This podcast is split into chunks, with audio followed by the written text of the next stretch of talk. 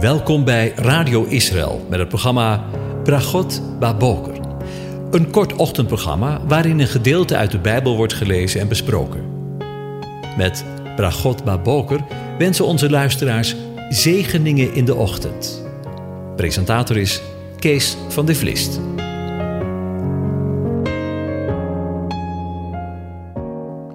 Goedemorgen, luisteraars. Vanmorgen denk je weer verder na over Psalm 91. Ik lees het aan u voor. Wie in de schuilplaats van de Allerhoogste is gezeten, zal vannachten in de schaduw van de Almachtige. Ik zeg tegen de Heere, mijn toevlucht en mijn burcht, mijn God, op wie ik vertrouw.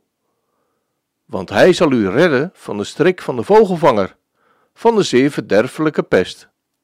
Hij zal u beschutten met zijn vlerken. Onder zijn vleugels zult u de toevlucht nemen. Zijn trouw is een schild en een panzer. U zult niet vrezen voor de angstigende van de nacht, voor de pijl die overdag aankomt vliegen, voor de pest die in het donker rondgaat, voor het verderf dat midden op de dag verwoest. Al zullen er duizend vallen aan uw zijde en tienduizend aan uw rechterhand, bij u zal het onheil niet komen. Slechts met uw ogen zult u het aanschouwen. U zult de vergelding van de goddelozen zien. Want u, Heere, met mijn toevlucht, de Allerhoogste, hebt u tot een woning gemaakt. Geen onheil zal u overkomen, geen plaag zal uw tent naderen, want hij zal voor u zijn engelen bevel geven dat zij u bewaren op al uw wegen. Ze zullen u op de handen dragen, zodat u uw voet aan geen steen stoot. Op de felle leeuw en de ander zult u trappen. U zult de jonge leeuw en de slang vertrappen. Omdat hij liefde voor mij opgevat heeft, zegt God: Ik zal hem bevrijden. Ik zal hem in een veilige vesting zetten, want hij kent mijn naam. Hij zal mij aanroepen en ik zal hem verhoren. Ik zal in de benauwdheid bij hem zijn. Ik zal hem eruit helpen en hem verheerlijken. Ik zal hem met lengte van dagen verzadigen. Ik zal hem mijn heil doen zien. Tot zover over vogels en de vogelvanger gesproken. We willen vanmorgen nadenken over de woorden die we gelezen hebben, want hij zal u redden van de strik van de vogelvanger. In de Bijbel wordt bijna talloze keren gesproken over vogels. De Torah maakt een onderscheid tussen reine en onreine vogels. Alle vogelsoorten die rein zijn, mogen gegeten worden, en juist andere weer niet. Die waren onrein. We noemen er een paar. De volgende vogels mogen niet gegeten worden: de valegieën, buizerds, alle soorten kraaien en raven, de struisvogel, verschillende soorten uilen, valken, de visarend, de ooievaar, de verschillende soorten reigers en de vleermuis. Met betrekking tot de laatste, de vleermuis, die in China een delicatesse schijnt te zijn, is dat er in het tweede gedeelte van de tekst over een wel heel besmettelijke ziekte, de pest, wordt gesproken. Hoe actueel zijn deze woorden in de dagen die wij nu met elkaar beleven? Na de zonvloed werd de mens toegestaan vogels, mits op de juiste wijze uitgebloed, te eten. We lezen daarvan in Genesis 9, vers 2 tot 4. Het bloed van de vogels die tijdens het jagen werden gevangen, moest uitgegoten en met stof bedekt worden, volgens Leviticus 7, 10, vers 13 en 14. En sommige van de vogels die men ving, konden niet alleen tot voedsel dienen. Zo lezen we in Nehemia 5, vers 18 en 1 Koningen 4, vers 22 en 23, maar ook als offer gebruikt worden, in het bijzonder de jonge duiven en de tortelduiven, zoals we lezen in Leviticus 1, vers 14. En toen de Heer Jezus op aarde was, voorzagen vogelvangers waarschijnlijk voor een deel in de duiven die in de tempel te Jeruzalem werden verkocht, volgens Johannes 2, vers 14 tot 16. Sommige vogels die prachtige veren hadden of mooi zongen, werden waarschijnlijk als huisdier verkocht. Vergelijk Job 41 vers 5 en 1 Koningen 10 vers 22. Maar de vogels waren ook onderwerp van Gods zorg. Tijdens zijn omwandeling op de aarde wees hij naar de vogels in de lucht om te laten zien dat God voor deze schepselen zorg draagt. Kijk naar de vogels in de lucht. Ze zaaien niet, zij maaien niet en verzamelen niet in schuren. Uw hemelse Vader voedt ze wel. Gaat u ze niet ver te boven? Wie toch van u kan met bezorgd te zijn één el aan zijn lengte toevoegen? En wat bent u bezorgd over uw kleding? Kijk naar de lelies in het veld, hoe ze groeien.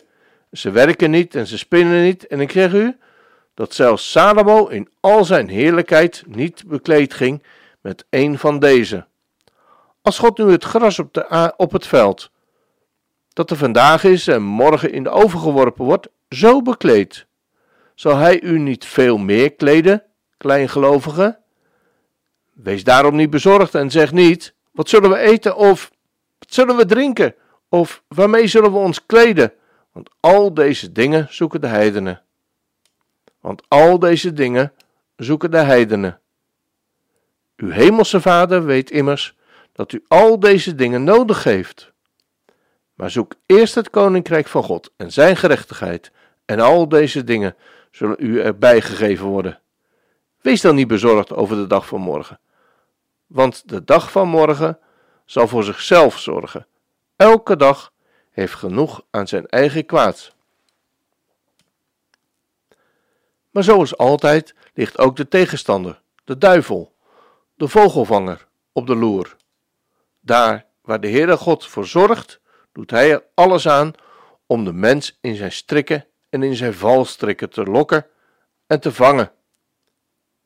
Van de Hebreeuwse woorden voor vallen en strikken hebben er twee, naar men aanneemt, hoofdzakelijk betrekking op de vogelvangers.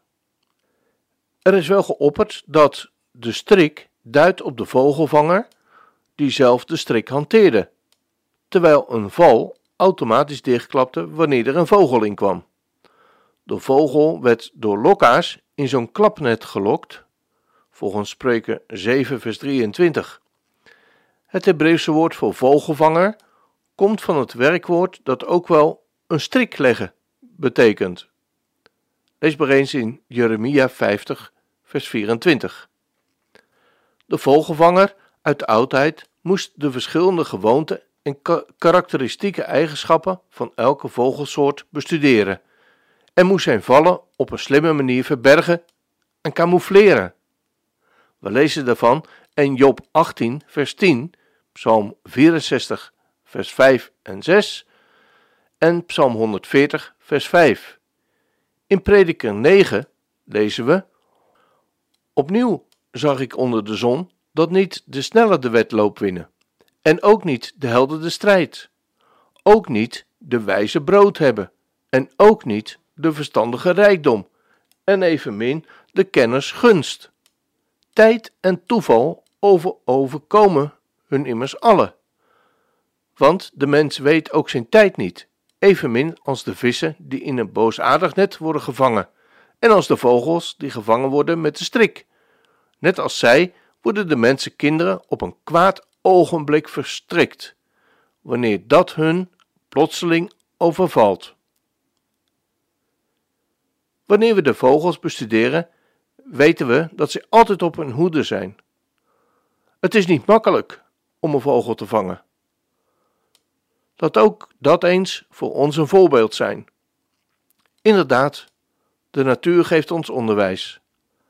Laten ook wij, net als de vogels, op onze hoede zijn voor de verraderlijke strikken, verborgen vallen of de lokazen, de verleidingen zoals Eva verleid werd door de verboden vrucht, maar uiteindelijk met het doel om een prooi te maken voor de grote verleider, de duivel, de vogelvanger.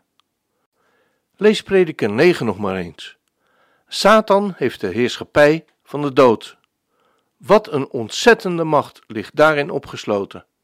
Hij is de vogelvanger die zijn strikken zet en die zijn strikken uitzet. Hij schiet zijn pijlen af. Hij verwoest. Het is door hem dat er vaak één slechts één streden is tussen ons en de dood. Dat banden des doods zo kunnen omvangen. Maar ook daar eindigt het niet mee. Ook vanmorgen niet. Hij, die in de schuilplaats van de Allerhoogste zit en op de Heere vertrouwt, zal zeker door hem bewaard worden, hebben we gelezen. En al zal de vogelvanger nog zijn, zo zijn best doen, hij is de God die beschermt en bewaart. Laten we beseffen dat we in een vijandige wereld leven en daarom op onze hoede zijn, zoals de vogels in het natuurlijke leven. Let vandaag maar eens op de vogels. Laten we daarom steeds maar weer naar de Heere onze toevlucht nemen, zoals Psalm 124 ons leert. Geloofd zij de Heere, die ons niet overgaf tot een prooi voor hun tanden. Onze ziel is ons komen, als een vogel, uit de strik van de vogelvanger. De strik is gebroken en wij zijn ontkomen. Onze hulp is in de naam van de Heere, die hemel en aarde gemaakt heeft. Als dat geen zegen is, ik wens je een van God gezegende dag toe.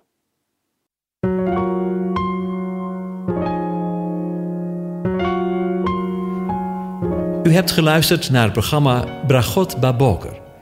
Een kort ochtendprogramma waarin een gedeelte uit de Bijbel wordt gelezen en besproken.